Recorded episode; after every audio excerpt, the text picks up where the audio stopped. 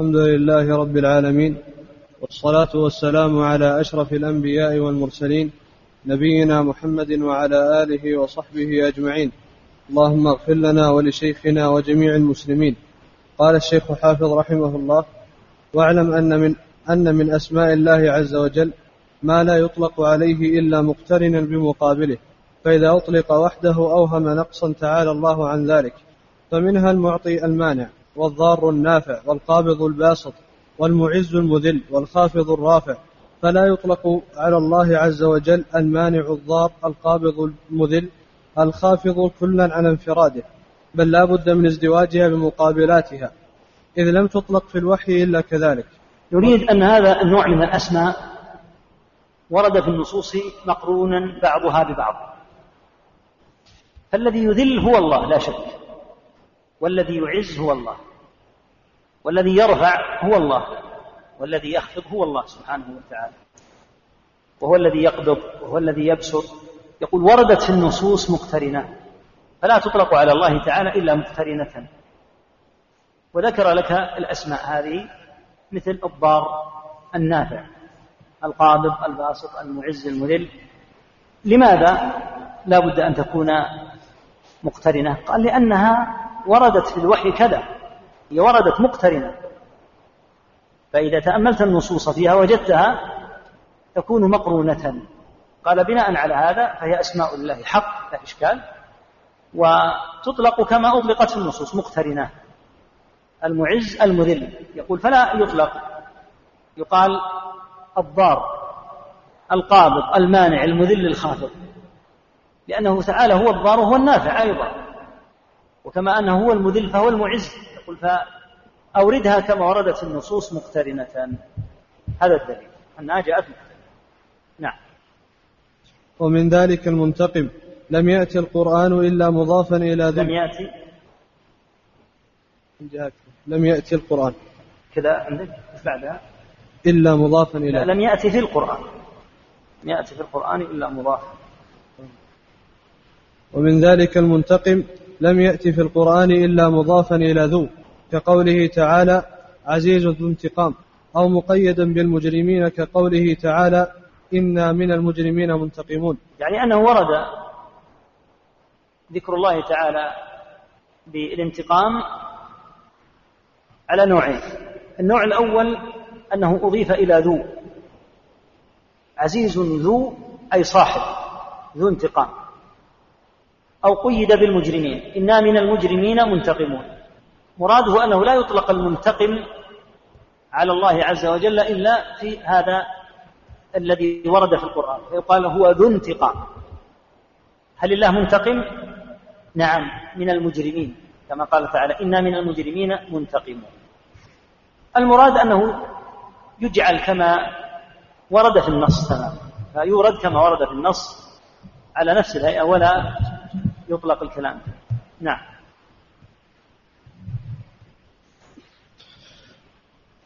واعلم أنه قد ورد في القرآن أفعال أطلقها الله عز وجل على نفسه على سبيل الجزاء العدل والمقابلة وهي فيما سيقت فيه مدح وكمال لكن لا يجوز أن يشتق له تعالى منها أسماء ولا تطلق عليه في غير ما سيقت فيه من الآيات. غير ما سيقت فيه من الآيات. نعم. كقوله تعالى إن المنافقين يخادعون الله وهو خادعهم وقوله ومكروا ومكر الله وقوله تعالى نسوا الله فنسيهم وقوله تعالى وإذا خلوا إلى شياطينهم قالوا إنا معكم إنما نحن مستهزئون الله يستهزئ بهم ونحو ذلك فلا يجوز أن يطلق على الله تعالى مخادع ماكر ناس مستهزئ ونحو ذلك مما يتعالى الله عنه ولا يقال الله يستهزئ ويخادع ويمكر وينسى على سبيل الإطلاق. تعالى الله عن ذلك علوا كبيرا. مراده أن يبين أن ثمة أفعالا ذكرت على وجه المقابلة لأعداء الله عز وجل. فمنها المكر. قال تعالى ومكروا ومكر الله. والله خير الماكرين. ومنها الاستهزاء. لما ذكر الله تعالى استهزاءهم ذكر أنه تعالى يستهزئ بهم ويمدهم في طغيانهم يعمهون. وهكذا النسيان. النسيان ورد في القرآن منفيا ومثبتا لأنه نوعان. النوع الأول من النسيان هو نسيان الذهول وغيبوبة الشيء. هذا الله تعالى ينزه عنه فلا يغيب عنه شيء تعالى. وهو الوارد في قوله تعالى وما كان ربك نسيا. الله لا ينسى على هذا المعنى. النوع الثاني من النسيان يراد به الترك. كقوله تعالى نسوا الله فنسيهم معنى أنه تعالى تركهم. وكما في حديث مسلم أن الله يقول للعبد في القيامة ألم أزوجك؟ ألم أجعلك تملك وتربع؟ فيقول بلى يا ربي. فيقول فظننت أنك ملاقي؟ فيقول لا. فيقول فاليوم أنساك كما نسيتني. لا شك أن أن النسيان هنا لا يراد به أبدا الغفلة وذهاب الشيء يعني أن الله تعالى يخاطبه مباشرة. فيقول إنها وردت النص على سبيل المقابلة. نسوا الله فنسيهم. فبهذا الإطلاق كما جاءت بهذا التقييد كما جاءت في النصوص فإنك تقيد. وهكذا ما يتعلق بالمكر. ومكروا ومكر الله. وهكذا الخداع. إن المنافقين يخادعون الله وهو خادعهم. يقول فهذه على سبيل المقابلة فتورد كما وردت في النصوص. كذا. نعم. وقال ابن القيم رحمه الله تعالى إن الله تعالى لم يصف نفسه بالكيد والمكر والخداع والاستهزاء مطلقا ولا ذلك داخل في أسمائه الحسنى. ومن ظن ومن ظن الجهال المصنف ومن ظن. ومن ظن ومن ظن من الجهال المصنفين في شرح الأسماء الحسنى أن من أسمائه تعالى الماكر المخادع المستهزئ الكائد فقد فاه بأمر عظيم تقشعر منه الجلود وتكاد الأسماع تصم عند سماعه وغر هذا الجاهل أنه سبحانه وتعالى أطلق على نفسه هذه الأفعال فاشتق له منها أسماء. أي أن الله تعالى أطلقها على نفسه على سبيل أنها أفعال. يقول فقام هذا الرجل باشتقاق أسماء منها. ومعلوم أن الأسماء توقيفية فتؤخذ من النصوص مباشرة ولا يسمى الله تعالى هكذا من قبل العباد. وإذا ذكر الله تعالى فعلا من الأفعال ولم يتسمى به فإنه يثبت لله فعلا ولا يشتق الإنسان منه اسما ويسمي الله تعالى به. نعم. وأسماؤه تعالى كلها حسنى. فأدخلها في الأسماء الحسنى وقرنها بالرحيم الودود الحكيم الكريم. وهذا جهل عظيم فإن هذه الأفعال ليست ممدوحة مطلقة بل تمدح في موضع وتذم في موضع. هذا هو السبب في عدم إطلاقها. يقول السبب في عدم إطلاقها أن المكر والخديعة نوعان. النوع الأول أولا ما المراد بالمكر؟ وإيصال الضر إلى الغير من حيث لا من حيث لا يشعر. هذا المراد بالمكر. أن يوصل الضر إلى غيره من حيث لا يشعر. والمكر والخديعة على نوعين. الأول أن يفعل ذلك بمن يستحق وهذا محمود لأنه يستحق أن ينكر به ويستحق أن يخادع ويستحق أن يستهزأ به. فهذا الذي يضاف إلى الله تعالى. لأن هذا محمود قد وقع في موقعه. والله تعالى حكيم. لا يوقع الأمور إلا في مواقعها سبحانه وتعالى. النوع الثاني من المكر والخديعة ونحوها أن يقع أن يفعل ذلك بمن لا يستحق. فالله منزه عن هذا سبحانه وبحمده لأنه حكيم يوقع الأمور في مواقعها. ولهذا قال لا تطلق ويؤخذ منها أسماء. بل يقال حيث وردت في النصوص نوردها فنقول إن الله لا شك أنه يمكر لكن يمكر بمن يستحق. يخادع من خادعه يستهزئ بمن يستهزئون. هذا المراد. يقول لا تطلق هكذا فضلا عن أن يشتق منها أسماء. فيقال الله المخادع الماكر. يقول لا يجوز أن يقال مثل هذا لأن النصوص ما وردت بأن الله تعالى ماكر مخادع وإنما وردت موردا محددا أن الله يمكر بمن يمكر به. إنهم يكيدون كيدا وأكيد كيدا. ويمكرون ويمكر الله. نسوا الله فنسيهم. يخادعون الله وهو خادعهم. وإذا تأملت النصوص وجدتها وردت هكذا وإن كان الشنقيطي رحمه الله تعالى يقول إن إنها قد ترد ولا سيما المكر. يقول قد يرد مطلقا.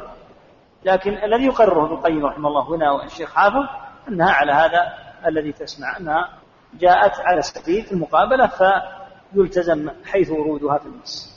نعم. فلا يجوز إطلاق أفعالها على الله تعالى مطلقا. فلا يقال إنه تعالى يمكر ويخادع ويستهزئ ويكيد. فكذلك بطريق الأولى لا يشتق له منها أسماء يسمى بها.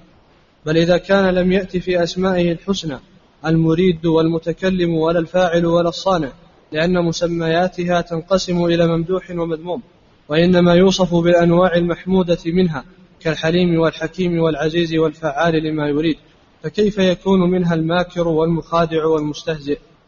ثم يلزم هذا الغالط أن يجعل من أسمائه الحسنى الداعية والآتية والجائية والذاهبة والقادمة والرائدة والناسية والقاسمة والساخطة والغضبان واللاعن إلى أضعاف أضعاف ذلك من التي أطلق من التي أطلق تعالى على نفسه أفعالها في القرآن. نعم يقول إن الله تعالى يقول لعنهم الله.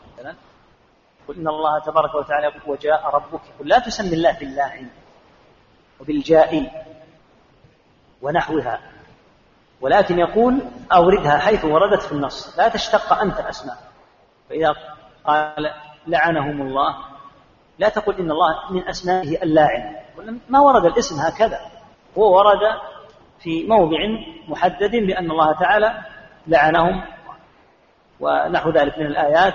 أو بأن الله تعالى يجيء في القيامة ويأتي ولا تسميه أنت الآتي الجائي. يقول وإنما أقتصر على ما ورد في النص. أما إذا سمى نفسه باسم الحكيم العليم العزيز الغفور السميع نعم يقول يسمى به تعالى.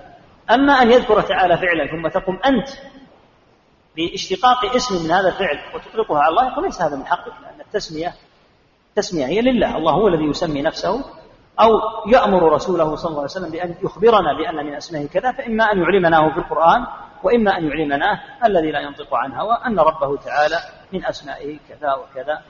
نعم. إلى أضعاف أضعاف ذلك من التي أطلق تعالى على نفسه أفعالها في القرآن وهذا لا يقوله مسلم ولا عاقل. والمقصود أن الله سبحانه وتعالى لم يصف نفسه بالكيد والمكر والخداع على وجه الجزاء لمن فعل ذلك بغير حق. وقد علم أن المجازاة على ذلك حسنة من المخلوق فكيف من الخالق لم يصف نفسه بالكيد؟ والمقصود. إيه؟ والمقصود أن الله سبحانه وتعالى لم يصف نفسه بالكيد والمكر والخداع إلا على وجه الجزاء لمن فعل ذلك بغير حق. نعم. وقد علم أن المجازات على ذلك حسنة من المخلوق فكيف من الخالق سبحانه وتعالى؟ قلت ومن هنا يتبين لك ما ذكرنا من النظر في بعض ما عده ابن العربي فإن الفاعل العربي توسع أسماء جدا. وذكر ولعل ابن القيم أشار إليه في كلامه السابق ذكر أسماء كثيرة على هذه الطريقة. بمجرد أن يجد فعلا يمكن أن يأخذ منه اسما ويطلقه على الله. وهذا كما تقدم ليس بصواب. نعم.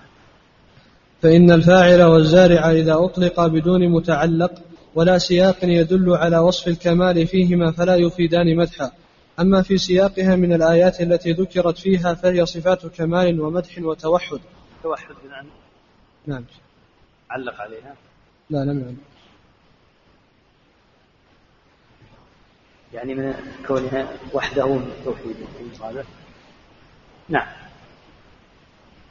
الله كما قال تعالى كما بدأنا أول خلق نعيده. وعدا علينا إنا كنا فاعلين. وقال تعالى أفرأيتم ما تحرثون؟ أأنتم تزرعونه أم نحن الزارعون؟ الآيات بخلاف ما إذا عدت مجردة من متعلقاتها وما سيقت فيه وله. وأكبر مصيبة أن أن عد في الأسماء الحسنى رابع ثلاثة وسادس خمسة مصر مصرحا قبل ذلك بقوله وفي صورة المجادلة اسمان فذكرهما. وهذا خطأ فاحش.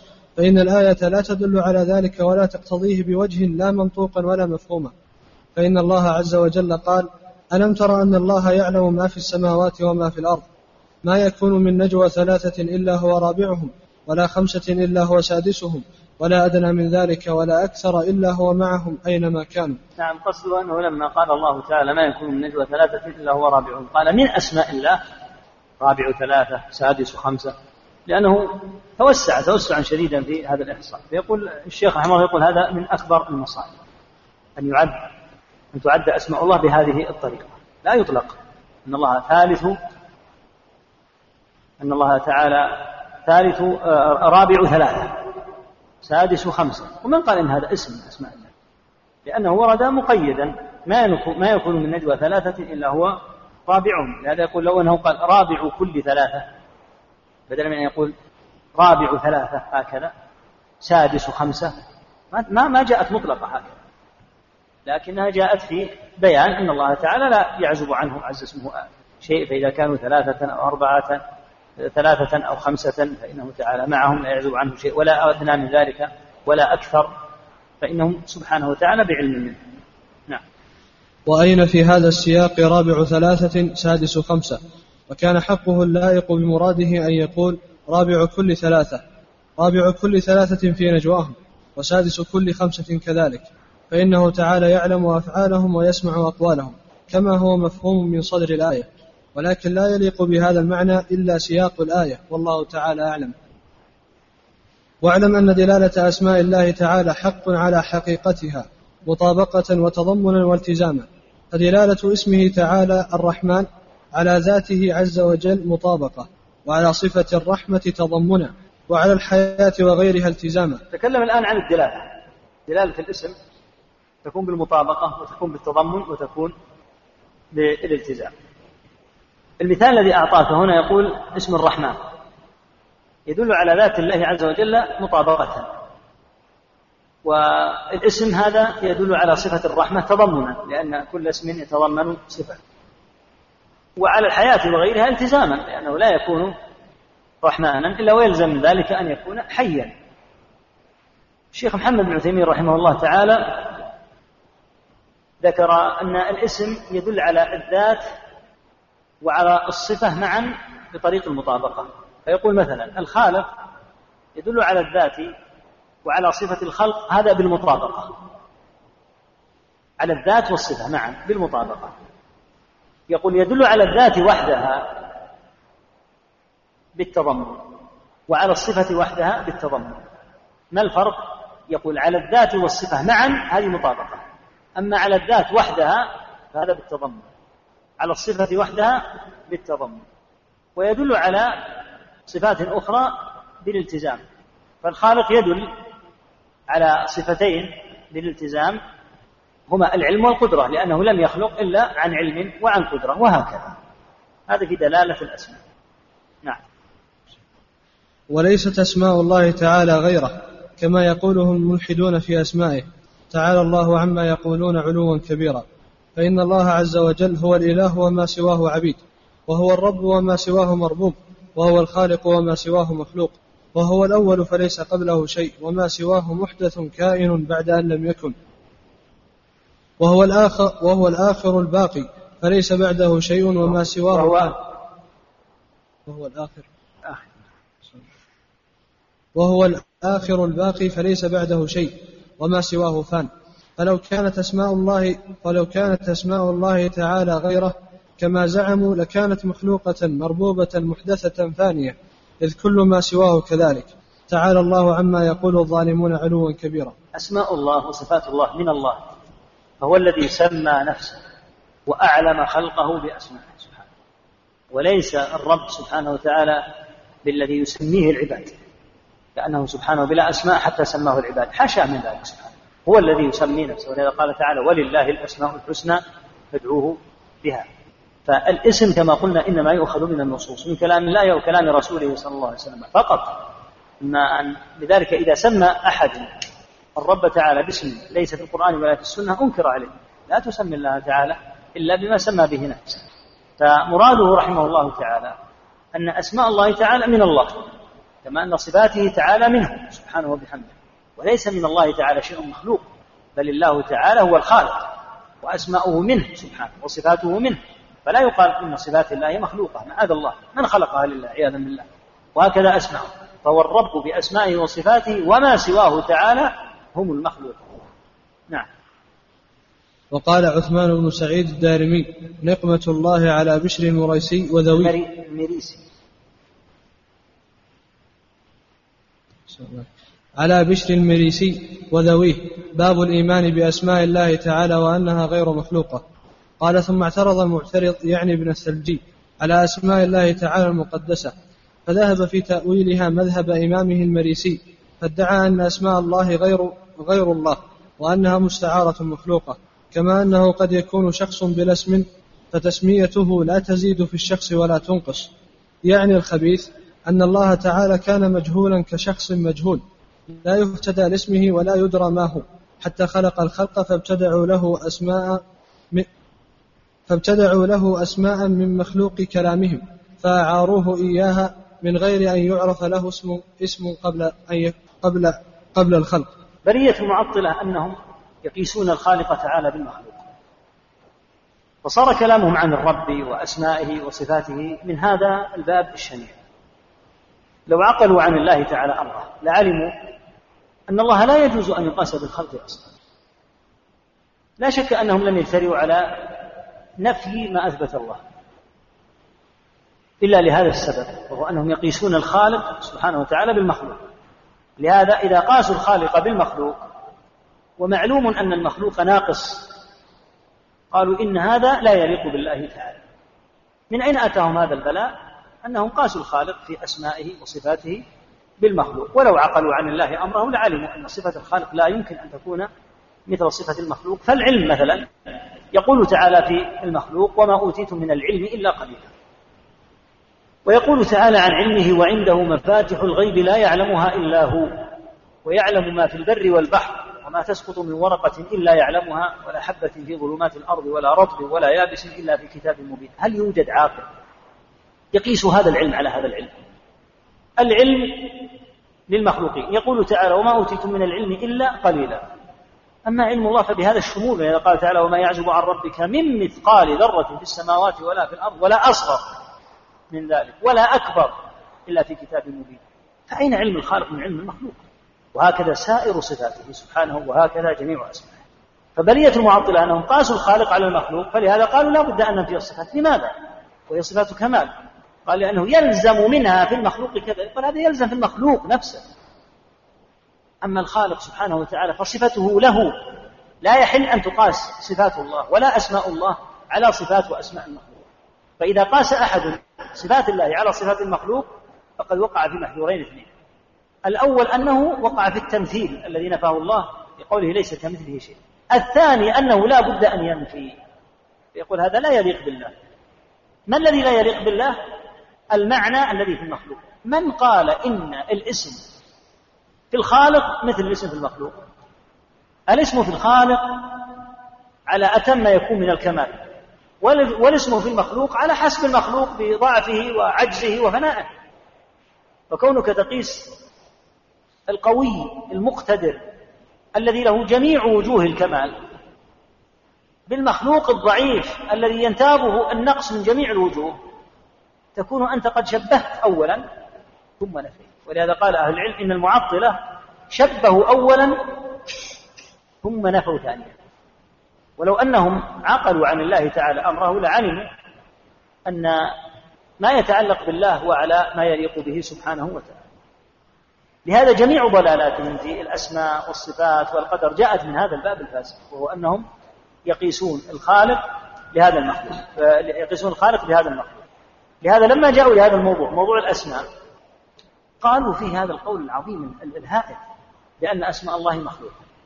إذا قلت إن أسماء الله تعالى مخلوقة فمعنى ذلك أن الخالق كان مجهولا حتى خلقت له الأسماء كما زعموا ثم عرف بهذه الأسماء. الله تعالى هو الذي سمى نفسه سبحانه وتعالى قبل أن يوجد المخلوق وهو الذي أعلم خلقه بأن اسمه كذا وأن صفته كذا قبل أن توجد المخلوقات وهو سابق سبحانه وتعالى لكل شيء.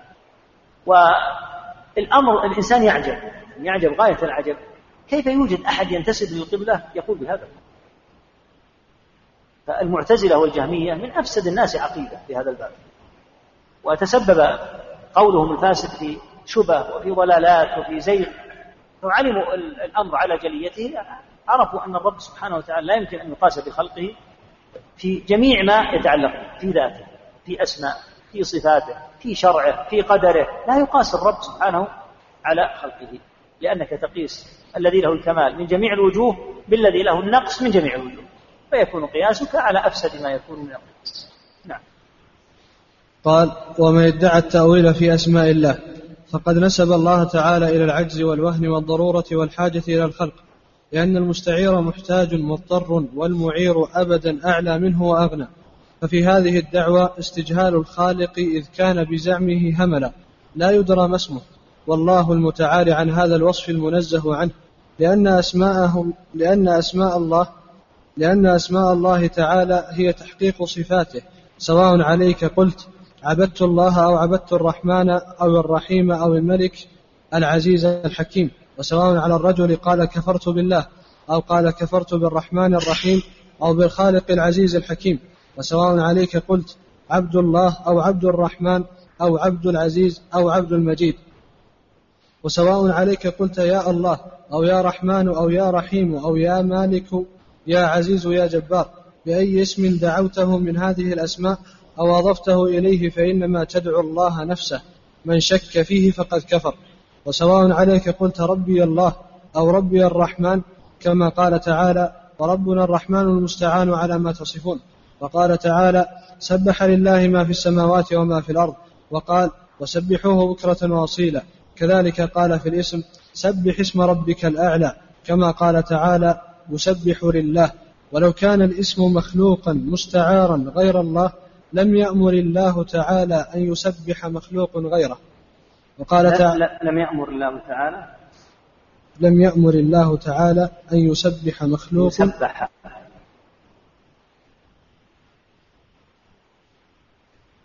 أن يسبح مخلوق.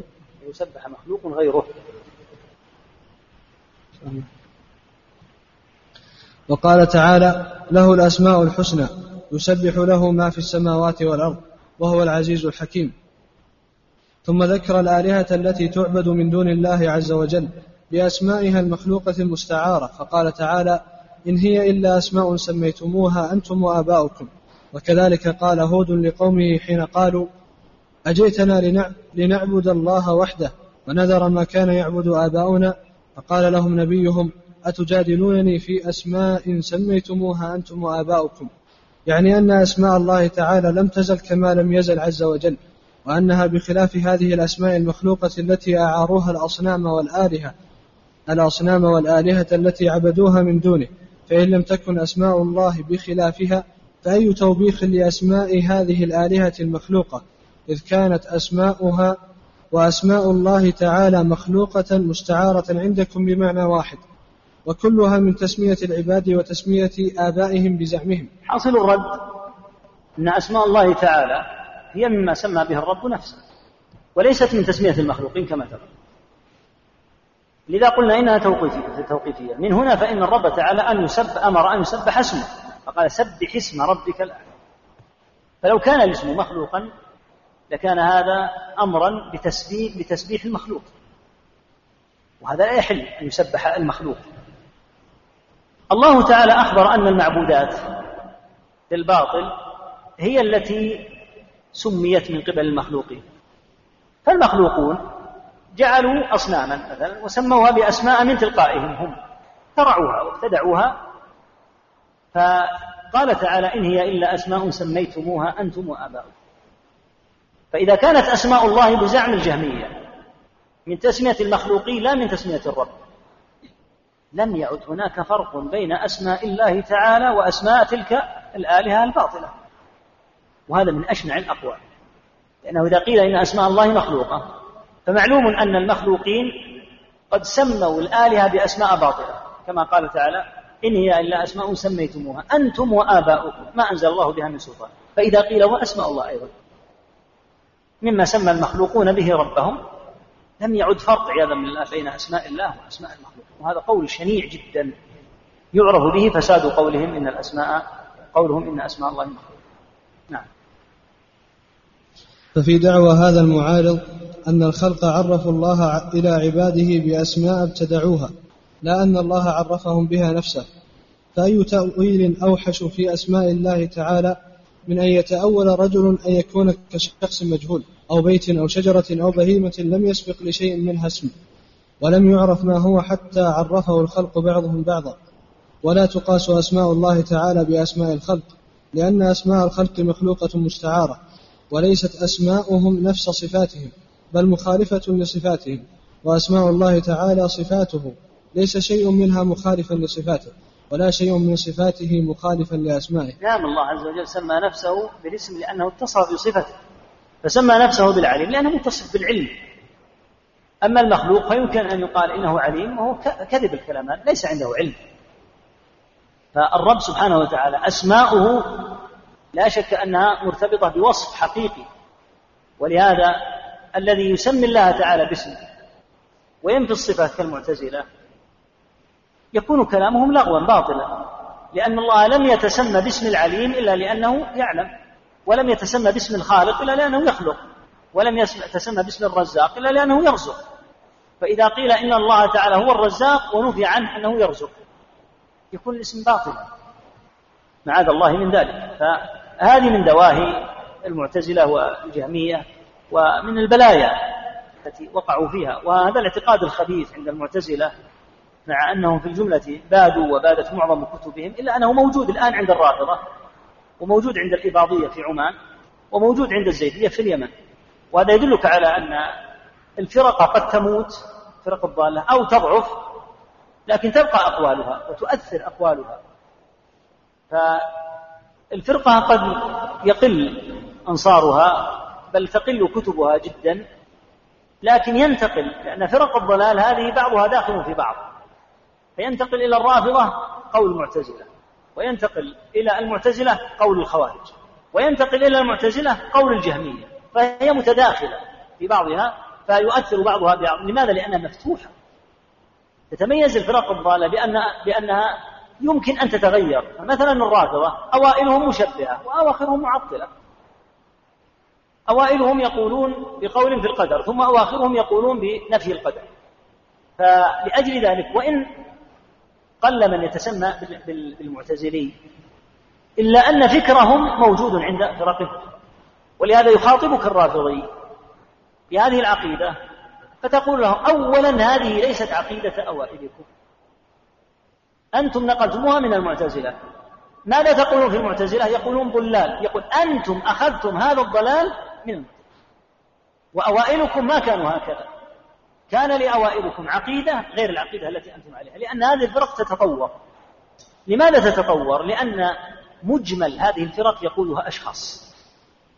فإذا جاء رجل بقول تبعه بقية الفرقة فعلى سبيل المثال الشيعة. الشيعة إلى سنوات ليست بالبعيدة كانوا قد عطلوا جميع العبادات بما فيها الزكاة والحج بل الصلاة. قالوا لا نصلي حتى يخرج الإمام. جاء الخميني وبعض المؤثرين فيهم فقالوا لو بقي هذا المختفي بزعمهم في السرداب بقي ألف سنة. تبقى المساجد ما يصلى فيها تبقى الزكاة لا تؤدى والخمس يريدون الخمس. تبقى لا تدفع قال ندفع الخمس إذا خرج الإمام. نحج إذا خرج الإمام. نزكي إذا خرج الإمام. نصلي خلف الإمام. قالوا فإذا لم يخرج وقطعا يعلمون أنه لم يخرج. أسطورة كذب.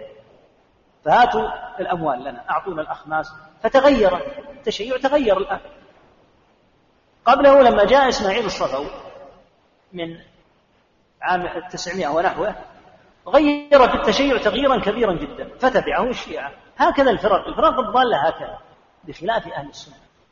أهل السنة لو جاء شخص معظم فيهم ثم قال قولا على خلاف النصوص قيل هذا ابتداع فإذا قال أنا عالم إن كنت عالما تغير دين الله عز وجل العلم يقتضي أن تلتزم بما عليه السلف. هذه مزية قول أهل السنة. ولذا قال السمعاني رحمه الله إنك لتعرف أن أهل السنة على الحق أنك لو نظرت بأولهم وآخرهم على اختلاف بلدانهم وأزمانهم ونظرت في كتبهم لوجدتها على وتيرة في الاعتقاد. لأنهم يتميزون بأن اعتقادهم مأخوذ من القرآن والسنة وهما ثابتان لا يتغيران. أما هذه الفرق فيأتي فيها معظم فيقول بقول فيت فيتبعونه لهذا يكثر فيهم يكثر فيهم التفرع. فتكون الفرقة نشأت ثم ينشعب من هذه الفرقة فرقة أخرى. ثم تنشأ فرقة أخرى وهكذا الخوارج. تجد أنهم يكونون في البداية على قول ثم يتشعبون. وتتميز هذه الفرق إذا هي تشعبت أيضا بأن بعضها يكفر بعضا. فالمعتزلة مثلا كما قال السمعاني عشرون فرقة. كل فرقة منها تكفر التسعة عشرة الأخرى. لماذا؟ لأن هذا يقول بقول وهو معظم فيتبعه ناس. فآخرون يقولون بخلافه. فتصطدم هذه الأهواء لأنها أهواء بشر. فيكفر بعضهم بعضا. ولهذا انظر مثل الخوارج. الخوارج يكونون متجهين إلى وجهة معينة. ثم ينشعبون في أثناء القتال. فيعود بعضهم على بعض بالقتال فيما بينهم؟ ثم من هذه الشعب نفسها تنشعب شعوبة أخرى. ولهذا الخوارج الذين كانوا زمن الصحابة رضي الله عنهم كان من أشهرهم نافع بن الأزرق قاتله الله. ومن أشدهم وهو ممن يقول بقتل حتى الأطفال. يرون قتل حتى الأطفال. وهذه من دلائل سفه الخوارج وقلة فهم لأن الطفل لا يقتل حتى لو كان ابن أكبر عدو للإسلام. لا يقتل بتاتا ونهى النبي صلى الله عليه وسلم عن قتل الوليد. لكن خارجي خارجي لا يفهم. قال صلى الله عليه وسلم حدثاء الأسنان سفهاء الأحلام ماذا يفعلون؟ يقتلون الطفل. الطفل لا يقتل لو كان أبوه أكبر ملحد على وجه الأرض. بتاتا لا يقتل. وكذا النساء لا تقتل. إلا لو حملت السلاح آخر لكن الأصل أن النساء والأطفال لا يقتلون بتاتا. فأتى نافع بن الأزرق فقتل الأطفال. وكتب لابن عباس رضي الله عنهما يستفتي لأنه كان يستفتي ابن عباس بعض الأحيان. فقال ابن عباس إن علمت من هؤلاء الأطفال ما علمه الخضر الذي أوحى الله تعالى إليه بقتل فاقتل الأطفال. مستحيل أن تعلم لا يوحى إليك ماذا سيكون عليه هذا الطفل. فلا يحل قتل الأطفال فقتلوا الأطفال. ثم استحل الأموال. إن شعب منه ابن إباض زعيم الإباضية الموجودون الآن الموجودين الآن في عمان. وخالفه وكفر بعضهم بعضا في مسألة القتل. لكن ابن إباض في مسألة أخذ الأموال. لكن ابن إباض الذي يتورع عن الأموال يقتل الناس. والقتل أعظم من التورع عجب تورع هؤلاء الخوارج يتورع, يتورع عن المال ويستحل الدم. سفهاء الأحلام. حدثاء الأسنان لأن معلوم أن الدم أشد. فتورع عن اليسير واستحل العظيم. إن شعب منه نجدة الحروري. فسمي هؤلاء بالنجدات وسمي هؤلاء بالإباضية وخالفهم الصفرية وصار مع نافع بن الأزرق الأزارقة وهكذا. لأنها فرق مفتوحة. دائما يتشعب فيهم الخلاف فتنشعب مع كل شخص طائفة ثم تقاتل الطائفة الأخرى كما قال ابن وهب منبه رحمه الله تعالى. يجتمع على كل فرد منهم عشرة آلاف يدعي هذا الفرد أنه الإمام فيجتمع على آخر عشرة آلاف يدعي أنه الإمام ثم يقاتل بعضهم بعضا. وهذه سنة الخوارج. الخوارج هكذا أهل القتال. ولكن بعيدون عن العلم. وهكذا المعتزلة. المعتزلة في الأصل أعداء للجهمية. لكن دخل عليهم قول الجهمية في الصلاة. وإلا في الأصل أنهم أعداء للجهم لكن لأن هذه الفرق فرق غير مؤصلة. لا مبنية على كتاب ولا على سنة. مبنية على قول شخص. فإذا ذهب الشخص أو نافسه آخر انشعبت. فلهذا سمعت مثل هذا الكلام العظيم الفظيع في الله عز وجل. في أن يقال في أسمائهم مثل هذا القول العظيم. لهذا رد عليه. الدارمي أجزل الله له المثوبة وأحسن الله إليه. الدارمي تفرغ للرد على بشر وعلى الجهمية. وكما قال رحمه الله قال قال الدارمي نقمة الله على المريسي أن الله جعله نقمة وبلية. فتسلط على المريسي وأحسن ما فعل. فرد عليه وبين ما عنده من إلحاد وفساد قول. الحاصل هذا الكلام العظيم الهائل الذي يقال في الله أساسه من الجهمية. أخذته المعتزلة. ثم تأثرت بهم الرافضة والإباضية والزيدية. ثم انشعب قول منهم وأثر في الكلابية. الكلابية ورثتهم الأشعرية والماتريدية وهكذا. ولهذا قال ابن القيم رحمه الله في مقولات الجهم فلذا توارثت الطوائف قوله تقاسمت الطوائف قوله وتوارثوه إرث ذي سهمان لم ينجو من أقواله طرا سوى أهل الحديث وعسكره فالجهم خبيث من أخبث من خرج في الأمة. قوله مع أنه له أعداء. إن شعب قوله فأخذت به طوائف من الخوارج وأخذت به طوائف من المعتزلة والأشعرية والماتريدية. إذا وكذلك المرجع الغلاة إذا تأملت قوله وجدت قوله كما قال ابن القيم رحمه الله توارثوه إرث ذي سهمان كأنه أب وهؤلاء أبناؤه كل واحد أخذ نصيبا من إرثه. قال لم ينجو من أقواله طرا سوى أهل الحديث. يعني أهل السنة يعني أهل السنة وعسكر القرآن لأنهم على اتزان في المعتقد. وبيأتينا شخص نقول والله هذا رجل عالم آه ماذا نعتقد؟ ما في أحد يقال ماذا نعتقد. العقيدة قبلك. لهذا قال شيخ الإسلام رحمه الله لما نازعه خصومه وقالوا إنك على عقيدة أحمد قال المذهب السلف قبل أن يخلق الله أحمد وأبا حنيفة ومالك والشافعي المذهب مذهب أهل السنة والجماعة مأخوذ عن رسول الله صلى الله عليه وسلم مأخوذ عن الصحابة رضي الله عنهم ما ينظر إلى عالم من العلماء ثم يتبع في العقيدة. ولهذا لا يمكن أن يقال اعتقدوا كذا فإذا قيل لماذا نعتقد يعني أقول كلكم الآن اعتقدوا قولك مرمي به في وجهك من أنت حتى نعتقد؟ كلامك كلام الله وكلام رسوله. حتى نعتقد؟ اعتقدوا ما أقول ومن أنت حتى نعتقد ما ما تقول. بل أنت باعتقادك هذا أنت مبتدع لأن الاعتقاد قبلك والاعتقاد بحمد الله ومنته ثابت في القرآن وفي السنة. وفيما أجمع عليه الصحابة رضي الله تعالى عنهم وأرضاهم. لسنا بحاجة إلى أحد يخترع لنا اعتقادا ولهذا الاعتقاد عند أهل السنة راسخ. أما الاعتقاد عند الفرق فعجب عجب عجاب يتطور ويتغير. بحسب ما يأتي شخص يرون له نوعا من الإمامة تجد أن متقدميهم غير متأخرين. ويحصل عندهم عدة مدارس تنشأ. فلأجل هذا تسمع هذه الأقوال الأقوال البغيضة الخبيثة نسأل الله العافية أنها تتعلق بباب عظيم باب الأسماء والصفات لأن هؤلاء على هذا الحد من الجرأة قاتلهم الله أن نعم. بسم الله. فمن ادعى أن صفة من صفات الله مخلوقة أو مستعارة فقد كفر وفجر. لأنك إذا قلت الله فهو الله وإذا قلت الرحمن فهو الرحمن وهو الله. فإذا قلت الرحيم فهو كذلك. وإذا قلت حكيم عليم حميد مجيد جبار متكبر متكبر قاهر قادر فهو كذلك. وهو الله سواء. لا يخالف اسم له صفته ولا صفته اسما وقد يسمى الرجل وقد يسمى الرجل وقد يسمى الرجل حكيما وهو جاهل وحكما وهو ظالم وعزيزا وهو حقير وكريما وهو لئيم وصالحا وهو طالح وسعيدا وهو شقي ومحمودا وهو مذموم وحبيبا وهو بغيض. نعم هذا يصح في حق المخلوقين. قد يسمون بأسماء كذب لا يستحقونها. كأن يسمى الحقير بالعزيز. يسمى البغيض الذي يبغضه الناس كلهم يسمونه بالحبيب. يطلق عليه اسم الحبيب. اللئيم يسمى بالكريم. يقول نعم هذه الأشياء تقع في المخلوقين أن يسموا بأسماء كذب. أما أسماء الرب سبحانه وتعالى فإنها حق على حقيقتها. ولا شك أنها على أتم ما يكون من الحسن ولهذا قال تعالى ولله الأسماء الحسنى. وكلمة الحسنى اسم تفضيل. فهي قد بلغت في الحسن أكمله وأعظم ما يكون من الحسن. فعلمنا بذلك أنها من جهة المطابقة أسماء الله أنها على أتم ما يكون من الصدق والمطابقة التامة لما تضمنه الاسم من الكمال.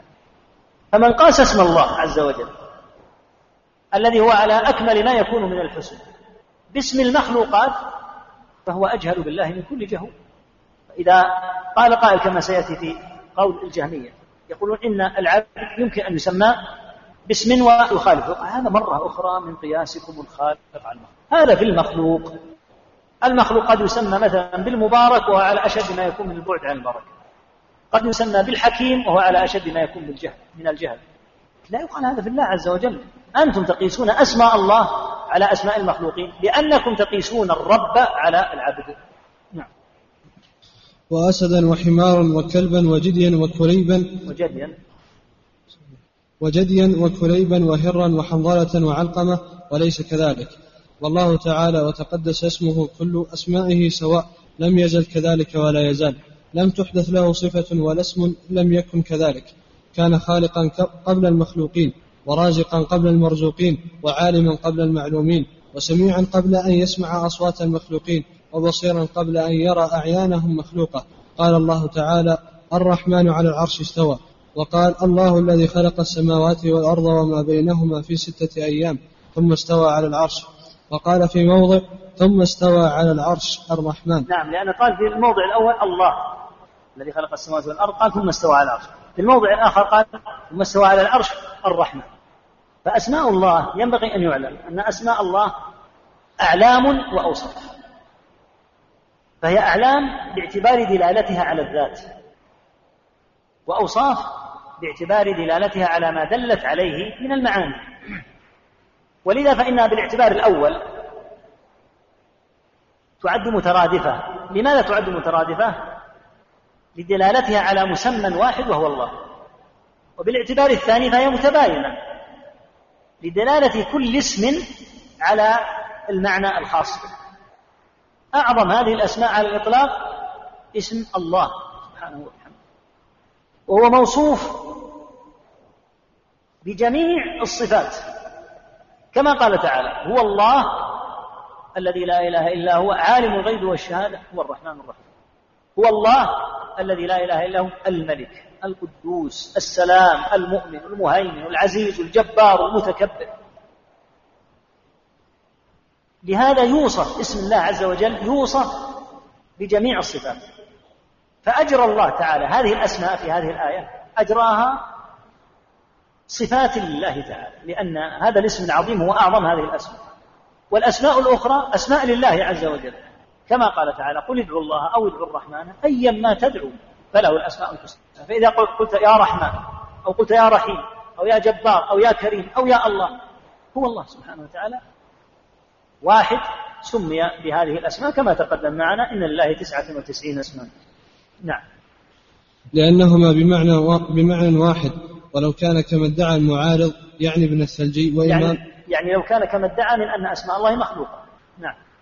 يعني ابن الثلجي وإمامه المريسي لكان المريسي كسر الميم. كسر الميم نعم. بلدة أظنها اسمها المريسة. نعم. أنا عندي بالضم يا شيخ. لا لا أظنها بالكسر. وإمامه الميريسي لكان الخالق والمخلوق استويا جميعا على العرش إذ كانت أسماؤه مخلوقة عندهم إذ كان الله في دعواهم في حد المجهول أكثر منه في حد المعروف لأن لحدوث الخلق حدا ووقتا وليس لأزلية الله تعالى حد ولا وقت. لم يزل ولا يزال وكذلك أسماؤه لم تزل ولا تزال. ثم احتج المعارض لترويج مذهبه هذا بأقبح قياس فقال أرأيت لو كتبت لو كتبت اسما في رقعة ثم احترقت الرقعة أليس إنما تحرق الرقعة ولا يضر الإسم شيئا؟ فيقال لهذا التائه الذي لا يدري ما يخرج من رأسه إن الرقعة وكتابة الاسم ليس كنفس الاسم. إذا احترقت الرقعة احترق الخط وبقي اسم الله له وعلى لسان الكاتب. لم لم يزل قبل أن يكتب لم تنقص النار من الاسم ولا ممن له الاسم شيئا. وكذلك لو كانت أسماء المخلوقين لم تنقص لم تنقص النار من أسمائهم ولا من أجسامهم شيئا وكذلك لو كتبت الله بهجائه في رقعة ثم أحرقت الرقعة لاحترقت الرقعة وكان الله سبحانه بكماله على عرشه. وكذلك لو صور رجل في رقعة ثم ألقيت في ثم ألقيت في النار لاحترقت الرقعة ولم يضر المصور شيئا. نعم هذا كله واضح الذي يكتب اسما في ورقة ويحرقه إنما يحرق الخط والورقة. أما صاحب الاسم فلا يحترق هذا أمر لا يخفى ومع ذلك يقول هذا الغبي الجهمي يقول هذا من الأدلة. فمن كتب اسم الله مثلا في ورقة وأحرق هذه الورقة فإنما يحرق الورقة والخط. أما الرب تعالى فهو بكماله على العرش وهذا واضح حتى في المخلوق. لو أنك كتبت اسم فلان وأردت أن تضره ورميت اسمه في نار. هل يحترقه؟ لا يحترق. الذي يحترق الخط ويحترق الورقة التي كتب فيها الخط. فتأمل كيف يستدل هذا وأمثال لهذا. يقول هذا لا يدري ما يخرج من رأسه. يعني أن دليله دليل الذي الذي يظنه يتوهمه دليل توهمه دليل ليس بدليل. لذلك هو لا يدري ما الذي يقوله وما الذي ينطقه. نعم. وكذلك القرآن. لو احترقت المصاحف كلها لم ينقص من القرآن نفسه حرف واحد. وكذلك لو احترق القراء كلهم أو قتلوا أو ماتوا لبقي القرآن بكماله كما كان لم ينقص منه حرف واحد لأنه منه بدأ وإليه يعود عند فناء الخلق بكماله غير منقوص. وقد كان للمريسي في أسماء الله مذهب كمذهبه في القرآن. كان القرآن عنده مخلوقا من قول البشر لم يتكلم الله بحرف منه في دعواه. وكذلك أسماء الله تعالى عنده من ابتداع البشر من غير أن يقول تعالى إني أنا الله رب العالمين بزعمه قط. وزعم أني متى اعترفت بأن الله تعالى تكلم بإني أنا الله رب العالمين لزمني أن أقول تكلم بالقرآن. ولو اعترفنا بذلك لانكسر علينا مذهبنا في القرآن وقد كسره الله تعالى وقد كسره الله عليهم على رغم أنوفهم فقال إني أنا الله رب العالمين. ولا يستحق مخلوق أن يتكلم بهذا. لا شك لا يحل أن يقول أحد من المخلوقين لا جبريل ولا محمد عليهما الصلاة والسلام ولا غيرهما. لا يحل أن يقول إني إنني أنا الله رب العالمين. وإني أنا الله رب العالمين. لا يمكن بتاتا أن يقول هذا إلا الله سبحانه وتعالى. القرآن كلام الله سبحانه إني أنا الله رب العالمين.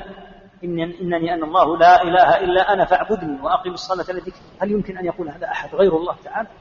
القرآن كلام الله الله عز وجل هو الذي تكلم به سبحانه وبحمده. فقوله إنني أنا الله لا يمكن أن يقوله غيره سبحانه. ولو قاله مخلوق لكفر بلا شك. لو قال مخلوق عياذا بالله قال إنني أنا الله. إيش يقول؟ يكون كافرا بلا ريب. ولهذا هذه الكلمة لا شك أن الله هو الذي تكلم بها. جبريل ماذا عمل. جبريل سمع القرآن من الله وأبلغه محمدا عليهما صلاة الله وسلامه محمد صلى الله عليه وسلم ماذا عمل؟ أمين على هذه الرسالة. بلغ ما أنزل إليك من ربك بلغنا عليه الصلاة والسلام. أما الذي تكلم لا شك أنه الله. جبريل قال تعالى نزل به الروح الأمين أمين على ما أؤتمن عليه من الرسالة. فأخذ فسمع القرآن من ربه تعالى فنزل على محمد صلى الله عليه وسلم وأخبره به ومحمد صلى الله عليه وسلم قرأه على الناس. ولهذا هو كلام الله. ولهذا قال تعالى وإن أحد من المشركين استجارك فأجره حتى يسمع كلام الله. الكلام كلام الله سبحانه وتعالى لكن من لم يجعل الله له نورا كهؤلاء الجهمية من لم يجعل الله له نورا فما له من نور. نعم. ولا يستحق مخلوق أن يتكلم بهذا فإن فعل ذلك كان كافرا كفرعون الذي قال أنا ربكم الأعلى. نعم الآن. لماذا كفر فرعون؟ لأن قال أنا ربكم فإذا قيل إن قوله إني أنا الله قول مخلوق. لماذا كفر فرعون؟ إذا كان قوله إني أنا الله رب العالمين. لم يقلها الله. قالها مخلوق من المخلوقين. لماذا إذا كفر فرعون لما قال إني أنا لما قال أنا ربكم الأعلى؟ فالذي قال إنني أنا الله لا إله إلا أنا وقال إني أنا الله رب العالمين هو الله. لهذا لو قالها مخلوق عن نفسه قال إنه هو الرب فإنه بلا شك يكفر كما كفر فرعون بقوله أنا ربكم نعم فهذا الذي ادعوا في أسماء الله عز وجل أصل كبير من أصول الجهمية التي بنوا عليها محنتهم وأسسوا بها ضلالتهم غلطوا بها الأغمار والسفهاء وهم يرون أنهم يغالطون بها الفقهاء ولئن كان السفهاء وقعوا في غلط مذاهبهم فإن الفقهاء منهم لعلى يقين. أرأيتم قولكم إن أسماء إن الفقهاء منهم ليس من الجهمية التقدير فإن الفقهاء على يقين منهم يعني يعلمونهم لأن أهل البدع والضلال قد يغررون بأهل الجهل من العامة وغيرهم. فيقول رحمه الله تعالى إن مر قولكم هذا على العامة وعلى الجهال أهل, أهل الفقه وأهل العلم والدراية على يقين بأنكم على باطل. هذا معنى. نعم. أرأيتم قولكم إن أسماء الله مخلوقة فمن خلقها وكيف خلقها؟ فجعلها أجساما وصورا تشغل أعيانها أمكنة دونه من الأرض والسماء أم موضعا دونه في الهواء؟ فإن قلتم له أجسام دونه فإن قلتم فإن قلتم لها أجسام دونه نعم. فهذا ما تنقمه عقول العقلاء. وإن قلتم خلقها في ألسنة العباد فدعوه بها وأعاروها إياه. فهو مما ادعينا عليكم أن الله تعالى كان بزعمكم مجهولا لا اسم له حتى أحدث الخلق فأحدثوا له أسماء. فأحدثوا له أسماء من مخلوق كلامهم. فهذا هو الإلحاد في أسماء الله والتكذيب بها.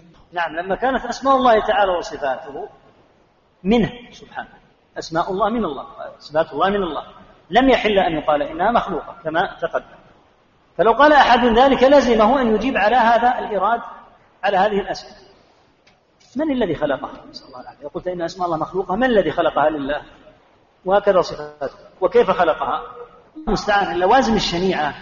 لمن قال بهذا ظاهرا فأسماء الله وصفات الله من الله تعالى وليس من الله تعالى شيء مخلوق بل الله عز وجل هو الرب باسم بأسمائه وصفاته وما سواه فهو المخلوق. فإذا قيل إن من الله تعالى شيء مخلوق أسماؤه أو صفاته لزمت عياذا بالله هذه الأسئلة من الذي خلقها له؟ كيف خلقها؟ نسأل الله العافية والسلام. نعم. قال الله تعالى الحمد لله رب العالمين الرحمن الرحيم مالك يوم الدين كما يضيفه إلى رب العالمين. ولو كان كما ادعيتم لقيل الحمد لله رب العالمين المسمى الرحمن الرحيم مالك يوم الدين. وكما قال الله لا إله المسمى؟ نعم نعم. وكما قال نعم. وكما قال الله لا إله إلا هو الحي القيوم نزل عليك الكتاب بالحق. كما قال تنزيل الكتاب من الله. كذلك قال تنزيل من الرحمن الرحيم تنزيل من حكيم حميد. وإنك لتلقى القرآن من لدن حكيم عليم. كلها بمعنى واحد وكلها هي الله. والله هو أحد أسمائه إلى أن قال وكما قال الله تعالى في كتابه أنا الله رب العالمين. كذلك قال على لسان نبيه صلى الله عليه وسلم أنا الرحمن. ثم روى بسنده حديث عبد الرحمن بن عوف رضي الله عنه قال سمعت رسول الله صلى الله عليه وسلم يقول قال الله تعالى أنا الرحمن. وهي الرحم شقق شققت لها من اسمي فمن وصلها وصلته ومن قطعها بتته. ويقول الله تعالى أنا شققت لها من اسمي. وادعت الجهمية مكذبين لله ولرسول ولرسوله أنهم أعاروه الاسم الذي شقها منه. ومن أين علم الخلق أسماء الخالق قبل تعليمه إياهم؟ فإنه لم فإنه لم يعلم آدم ولا الملائكة أسماء المخلوقين. فإنه ظهرنا فإنه لم يعلم آدم ولا الملائكة أسماء المخلوقين المخلوقين حتى علمهم. هذا الظاهر. بالرفع. فإنه لم يعلم آدم ولا الملائكة أسماء المخلوقين حتى علمهم الله تعالى من عنده. وكان بدء وكان بدء علمها منه هذا استدلال عظيم جدا في هذا الموطن رحمه الله. يقول إذا كان آدم لم يعلم أسماء المخلوقين حتى علمه الله إياها. كما هو نص الآية. وعلم آدم الأسماء كلها. ثم عرضهم على الملائكة. فقال أنبئوني بأسماء, بأسماء هؤلاء إن كنتم صادقين. قالوا سبحانك لا علم لنا. من الذي علم آدم؟ علمه الله. فإذا كان آدم لم يعلم أسماء المخلوقين حتى علمه الله تعالى أسماء المخلوقين. فكيف يعلم المخلوقون أسماء الله دون تعليم الله لهم؟ حتى يخترعوها لله ويسموا الله تعالى بها المخلوقون لم تعرف أسماءهم قال ابن عباس رضي الله عنهما في قوله تعالى وعلم آدم الأسماء كلها قال علمه الأسماء كلها مكبرها ومصغرها حتى القصعة والقصيعة لأن الله تعالى علمه أسماء كل شيء. وقبل ذلك قد خلقتك من قبل ولم تك شيئا قال الله عز وجل والله أخرجكم من بطون أمهاتكم لا تعلمون شيئا وقال سبحانه وتعالى علم الإنسان ما لم يعلم. الإنسان لا يعلم. لولا أن الله تعالى علمك لما لما علم فكيف تكون أنت الذي تسمي الله؟ سبحان الله عما تقول الجهمية يقول إذا كانت أسماء المخلوقين لم يعلمها آدم حتى علمه الله فكيف يسمي المخلوقون الذين لا يعلمون إلا ما علمهم الله؟ كيف يسمون الله تعالى بأسماء ويضيفونها إليه فيتسمى بها. لولا أن الله تعالى هو الذي سمى نفسه ثم أعلم المخلوقين بأسمائه سبحانه وتعالى. نعم. وكان بدء علمها منه فقال تعالى وعلم آدم الأسماء كلها ثم عرضهم على الملائكة فقال أنبئوني بأسماء هؤلاء إن كنتم صادقين. قالوا سبحانك لا علم لنا إلا ما علمتنا إنك أنت العليم الحكيم. قال يا آدم أنبئهم بأسمائهم. فلما أنبأهم بأسمائهم قال ألم أقل لكم إني أعلم غيب السماوات والأرض وأعلم ما تبدون وما كنتم تكتمون؟ وقال رسول الله صلى الله عليه وسلم إن لله تسعة وتسعين اسما من أحصاها وحفظها دخل الجنة وساق الأسماء الحسنى كما قدمنا. ثم قال فهذه كلها أسماء الله تعالى لم تزل له كما لم يزل بأيها دعوت فإنما تدعو الله نفسه. قال ولن يدخل الإيمان قلب رجل حتى يعلم أن الله تعالى لم يزل إلها واحدا بجميع أسمائه وجميع صفاته. لم يحدث له منها شيء. لم يحدث. لم يحدث له منها شيء كما لم تزل وحدانيته. انتهى كلامه رحمه الله.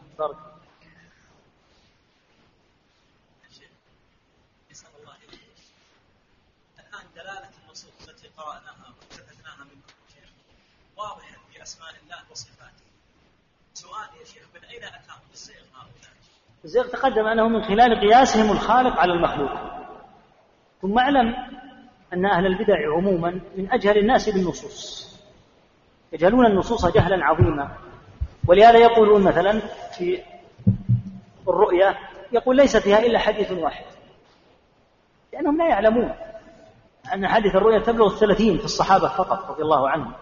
تلقاها عنهم جيل التابعين كثرت فيهم ثم أتباع التابعين. ومحل إجمال أحاديث الحوض أنكروا الحوض ما هناك شيء اسمه حوض.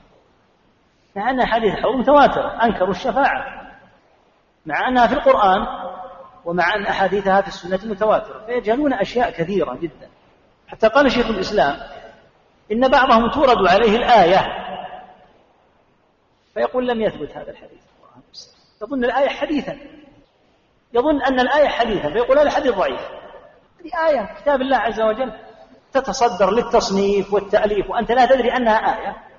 ثم تقول إنها حديث ضعيف. إذا لم تستطع التفريق بين القرآن وبين السنة حتى قلت في كلام الله تعالى إنه حديث ضعيف لأنك تجهل أنه آية من كتاب الله عز وجل.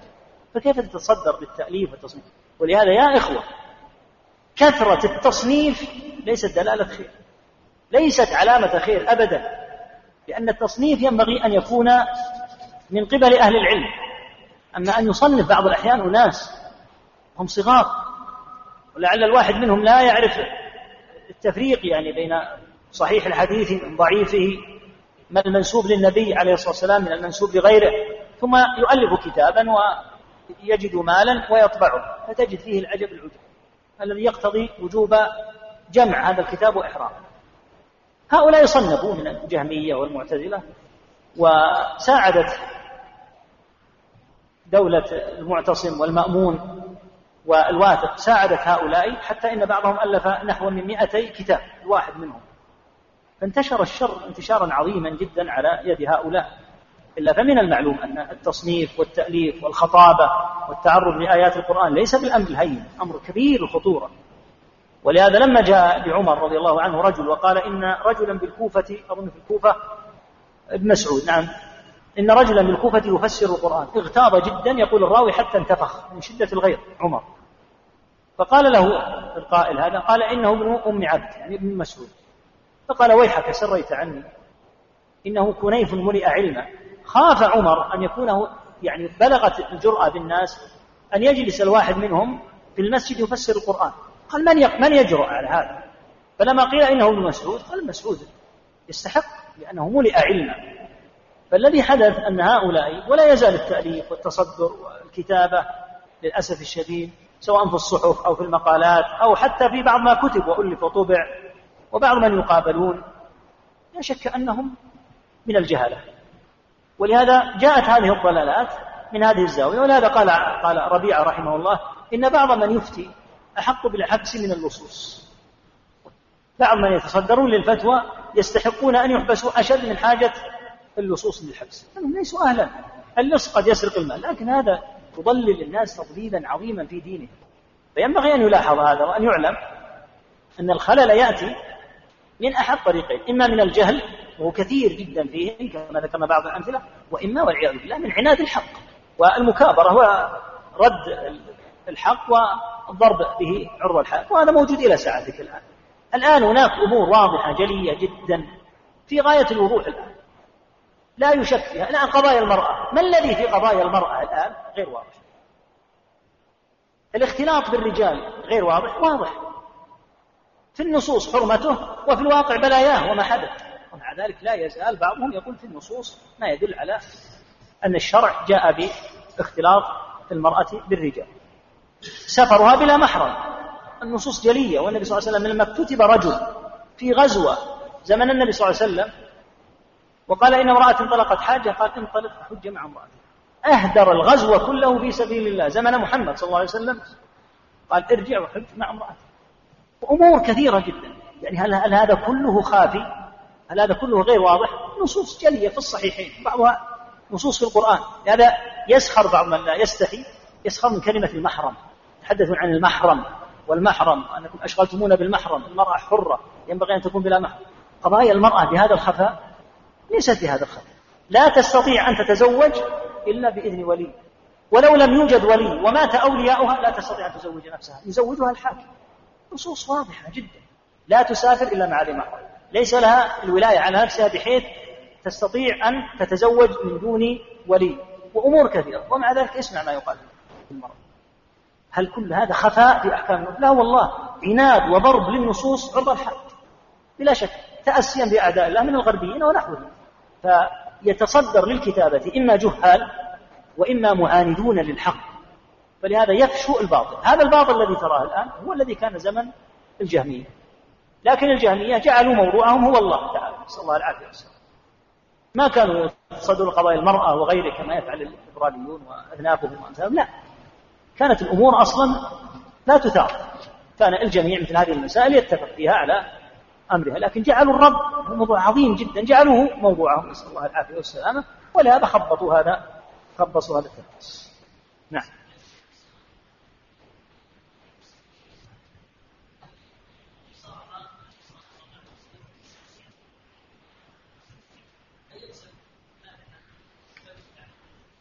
ما في أحد من أهل العلم يحصرها فيما أعلم.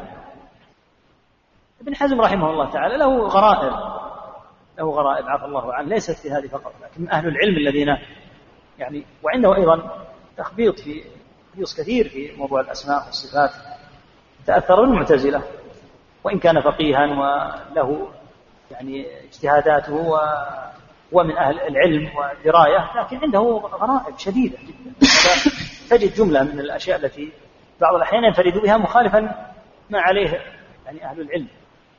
أهل العلم الراسخون الذين يعون هذه الأمور يعلمون علما تاما أن قوله إن لله تسعة وتسعين ليست على سبيل الحصر. أنا في الحديث الآخر كما تقدم معنا أو سميت به نفسك أو استأثرت به في علم الغيب عندك.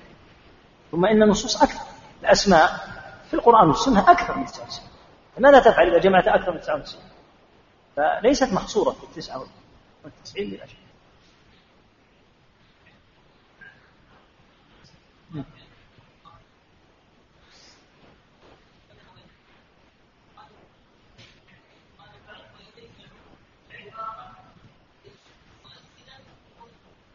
لا لا صحيح. لا. منه بدأ يتكلم به ابتداء وإليه يعود في آخر الزمان. حين يسرى على المصاحف فلا يبقى فيها سطر ولا يبقى في الصدور منها والعياذ بالله شيء. ثم يصبح الناس لا يجدون حتى في المصاحف لا يجدون فيها صدورا. إذا فتحها لا يجدوا كلام كلاما مكتوبا. وهكذا من كان حفظها يزول من صدره. فإليه إلى الله تعالى يعود. نعم.